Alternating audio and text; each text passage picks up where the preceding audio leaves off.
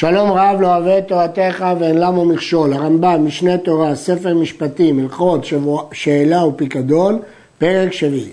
המפקיד פירות אצל חברו, הרי זה לא ייגע בהם, אף על פי שהם חוסרים ומתמעטים והולכים. מדוע? הגמרא אומרת שני טעמים. טעם אחד, רוצה אדם בקו שלו מתשעה קבים של חברו. טעם שני, שמא הבעלים עשו אותם תרומה ומעשר למקום אחר. במה דברים אמורים, שלא ייגע בהם, כשחסרו חסרון הראוי להם בכל שנה, טבעי, הגיוני. אבל אם חסרו יותר מכדי חסרונם, הם ממש הולכים לאיבוד, מוכרם בבית דין מפני השם אבדה לבעלים, אחרת הבעלים יעבדו את הרכוש שלהם. וכשהוא מוכרד, ימכור לכהנים בדמי תרומה, הוא לא יכול למכור את זה בשוק, רק לכהנים בתור תרומה. שמא עשו אותם הבעלים תרומה או תרומת מעשר על פירות אחרים. אולי הבעלים היה להם הרבה פירות, והם אמרו, הפירות המופקדים יהיו תרומה או תרומת מעשר. אז אם יאכל את זה אדם זר, יהיה חייב מיתה. ולכן הוא יכול למכור את זה רק לכהנים בתור תרומה. יש להעיר שתרומת מעשר אפשר אפילו לכתחילה לתת שלא מן המוקף. אבל תרומה גדולה אי אפשר לתת אלא מן המוקף. אבל בדיעבד, מוקף זה מה שלפניו. אבל בדיעבד, גם בתרומה גדולה, אם נתן שלא מן המוקף זה תרומה, ולכן יש חשש שהבעלים עשה את זה. המפקיד אצל חברו פירות והרכיבו, יין והחמיץ, דבש ונפסד. אז אם כן, פה יש השבת אבדה. עושה תקנה לבעל הפיקדון ומוכרן לו בבית דין. לכאורה מה הועיל לו? הרי כבר הפירות התקלקלו והיין והדבש התקלקלו. אף על פי שעמדו בהפסדם ואין ההפסד פוסה בהם, הרי הקנקנים והכלים מוסיפים הפסד. אי אפשר להגיד כבר הנזק נגרם, אז מה יש לך למכור? לא, זה ממשיך להזיק גם את הקנקנים וגם את הסלים שבתוכם, למרות שאין שום נזק יותר לפירות עצמם. המפקיד חמץ אצל חברו, והגיע הפסח, הרי זה לא ייגע בו, אולי יגיע הבעלים. עד שעה חמישית ויום ארבע עשר. אבל אם הגיעה השעה הזאת, יוצא ומוכרו בשוק לשעתו משום אשר אבדה. הרי בשעה השישית כבר הוא יאסר החמץ בהנאה מדרבנן והם חייבים לבאר אותו לפני זה. ולכן יש פה השבת אבדה. אז מוכר אותו מהר בשוק כדי שבשעה הזאת יאכלו אותו ויגמרו אותו. והוא הדין נשאר הפקדונות שלא ייגע בהם אף על פי שהוא יודע בוודאי שיוזלו בזמן פלוני, או יאנוס אותם המלך. למה? שמא יבוא בעליהם מקודם ויתלו ממונה. ולכן, כיוון שיש חשד, חשש שאולי יבוא הבעלים, אתה לא יכול למכור למרות הסיכון. אבל כשהגעת לשעה האחרונה, פה כבר אין ברירה, הסיכון הוא בולט, ולכן מוכרחים כבר למכור אותה. המפקיד ספר תורה אצל חברו, גוללו אחד לשנים עשר חודש. היריעות, הספרים, מתקלקלים כשלא מאווררים אותם. ולכן הוא צריך לגלול, לאוורר אותו כדי שהפיקדון לא יינזק. ואם כשהוא גוללו, פתחו וקרא בו, מותר, כי בין כך הוא צריך לפתוח אותו בשביל לאוורר אותו, אז הוא יכול גם לקרוא. אבל לא יפתח בגלל עצמו ויקרא. אבל לא יפתח כדי לקרוא, כי אסור להשתמש בפיקדון של הזולת. והוא הדין נשאר הספרים. ואם פתח וקרא בגלל עצמו, הרי שלח יד בפיקדון ונתחייב באונסים. הוא שלח יד בפיקדון ולכן אה, הוא חייב באונסים. אגב, הגאות מימוניות מביא בשם רביי גאון, ששומר תמיד חכם, מותר לו לקרוא בספר שהופקד אצלו ולהעתיק ממנו, בהנחה שעל דעת זה זה ניתן לו. אבל האור שמח אומר שאף לתלמיד חכם אסור. הפקיד אצלו כסות של צמר, מנערה אחת לשלושים יום כדרך שאמרו באבדה, וכן כל כיוצא בזה, שזו חובה עליו משום השם אבדה לבעלים. כמו ששומר אבדה צריך לדאוג לאבדה שלא תינזק, כך שומר פיקדון צריך לדאוג לפיקדון שלא יינזק. במה דברים אמורים? בפיקדון שהלכו בעליו ממדינת הים. אבל אם היו עמו באותה ארץ, הרי זה לא ייגע בו אף על פי שהוא עבד. אם הבעלים של הפיקדון הלכו למדינת הים, הוא הפך להיות כמו אבדה. אבל אם זה באותה ארץ, כל רגע הוא יבוא וייקח אותו, זה לא תפקידך לנער ולטפל בו. כל המוכר פיקדון על פי בדין, הרי זה מוכר לאחרים, ואינו מוכר לעצמו מפני החשד. יש חשד שכשהוא ימכור לעצמו הוא ימכור במחיר זול, ולכן רק לאחרים.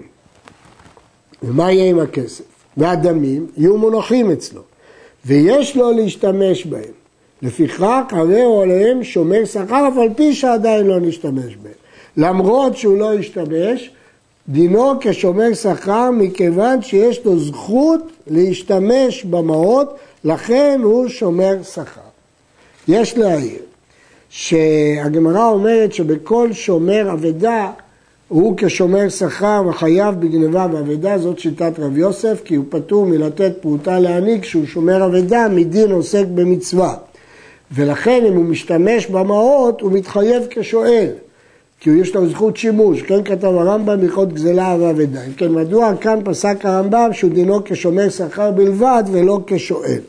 מסביר המגיד משנה, שסתם שומר אבידה הוא שומר שכר, אז כשיותירו לו להשתמש הוא עולה בדרגה, הופך להיות שואל.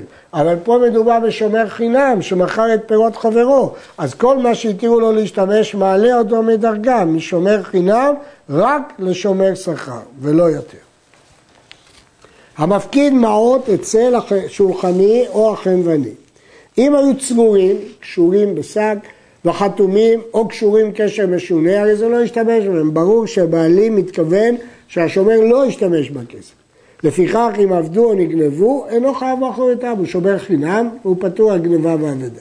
ואם אינם חתומים ולא קשורים קשר משונה, אף על פי שהם צרורים, יש לו להשתמש בהם. ברור שאם המפקיד לא קשר את הצרור, הוא התכוון שהשולחנים והחמני, שזאת העבודה הרגילה שלהם, יעשו עסק בינתיים בכסף, ישתמשו בו. אבל אם הם משתמשים, הם שומר שכר. לפיכך הוא נעשה עליהם שומר שכר, ואם עבדו נגנבו חייב באחריותם. אבל אין להם דין ששואל. נאנסו כגון שנעבדו בליסטים מזוין, הרי זה פטור. למה? כי זכות השימוש עושה אותו רק שומר שכר, ולא עושה אותו שואל. במה דברים אמורים קודם שישתמש בהם? רק זכות שימוש, אבל לא ישתמש בפועל. אבל אחר שנשתמש בהם, מתחייב מאחוריתיו, כל מלווה שבעולם, עד שעזר להם זה בכלל לא פיקדון כבר, כי כבר הוציא את הכסף והוא חייב לו כסף אחר. זה הפך להיות אה, מלווה, ולכן הוא חייב בחוץ. נסכם. הזכות להשתמש בכסף עושה אותך שומר שכר. אבל השימוש בפועל מחייבת באחריות, כי כבר לווית את הכסף ואתה חייב אחר. המפקיד מעות אצל בעל הבית, הוא לא חנני ושולחני שדרכם להשתמש במעות. בין צרורים, בין מותרים על זה, לא ישתמש בהם, אסור לו להשתמש בהם, כי בוודאי שהמפקיד לא התכוון שהוא ישתמש. לפיכך, אם עבדו או נגנבו, אינו חייב באחריותם כי הוא שומר חינם. והוא שהתמנם בקרקע, כמו שבהרנו, ששמירת כספים היא רק בקרקע. המפקיד חבית אצל חברו. בין שיוחדו לה הבעלים מקום, אמרו לו איפה לשמור אותה, בין שלא ייחדו לו מקום, וטלטלה לצורכו ונשברה, בין מתוך ידו נשברה, בין אחר שהחזירה למקומה שיוחדו לה נשברה, חייב לשלם. מדוע? כי הוא טלטל את זה לצורכו. כיוון שטלטל את זה לצורכו, חייב לשלם. טלטלה לצורכה, לא בשבילו, בשביל החבית. בין שנשברה מתוך ידו, בין שנשברה מהנחה מקום אחר, הרי זה פטור, כי הוא טלטל אותה לצורכה. הלכה זאת תלויה במחלוקת תנאים. לדעת רבי ישמעאל, אם אדם עשה מעשה אסור בחפץ חברו והחזיר את המצב לקדמותו, בטלה ממנו אחריות אונסית. אבל לדעת רבי עקיבא צריך דעת בעלים, ולכן אפילו שהוא יחזיר את החבית למקומה, זה לא מספיק כדי לבטל חיוב הנושאים, כי הוא כבר הזיז את זה לצורכו. הרמב"ם פסק פה כרבי עקיבא, ולכן הוא חייב כשהוא טלטל את זה לצורכה. אין מקבלים פקדונות לא מן אנשים, כי אולי הם לקחו כסף מהבעלים שלהם, ולא מן העבדים, אולי הם גנבו כסף מהאדונים שלהם, ולא מן התינוקות, אולי הם גנבו מבעל הבית, ואסור לסייע לעוברי עבירה. קיבל מן האישה, בדיעבד, אם הוא קיבל פיקדון, יחזיר לאישה, חייב להחזיר לה. מתה, יחזיר לבעלה. אם האישה מתה, הוא יכול להחזיר לבעלה. קיבל מן העבד, יחזיר לעבד. מת, יחזיר לרבו. קיבל מן הקטן, יקנה לו ספר תורה או דקל, שיאכל פירותיו, כדי שלא יתקלקל החפץ. מדובר בקטן שלא בקיא במשא ומתן, לא הגיע לעונת הפעוטות לפני שש-שבע. וכולם שאמרו בשעת מיתתם של פלוני הם, אם נאמנים לו, יעשה כפירושם, ואם לאו, יחזיר ליורשיהם. הפיקדון והאבדה לא ניתנו להיטבע אלא במקומן. כיצד? הפקיד אצלו בירושלים, אינו יכול לתבעו בנוב. איפה הוא יביא לו את החפץ לנוב?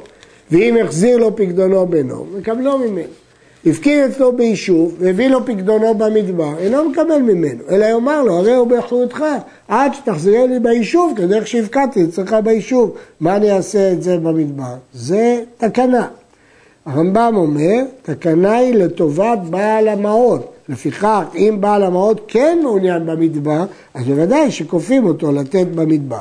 אבל אם הוא לא רוצה לקבל במדבר, אז הוא אומר, אני לא רוצה, אלא לקבל במקום שנתתי לך. המפקיד אצל חברו והלך בעל הפיקדון למדינת הים. והרי השומר רצה לפרש, הוא לצאת בשערה, הוא רוצה לנסוע. יש מי שהורה שאם בא השומר והביא הפיקדון לבית דין, נפטר מאחריות שמירתו. ודברים של טעם הם. אומר הרמב"ם זה הגיוני, שאין אוסרים זה במדינה זו מפיקדון של זה שברח. הוא הפקיד וברח. אז מה הוא יעשה? הוא לא יזוז מכאן כל ימי חייו? ואי אפשר לו לא לכלול עמו, שמא יהיה אונס, יהיה חייב באחריתו. ובדין מפקידים אותו ביד נאמן אצלם מפני השב אבדה לבעלים. הדין הזה אין לו מקור בגמרא, ומקורו כנראה באחד מדברי הגאונים. עד כאן.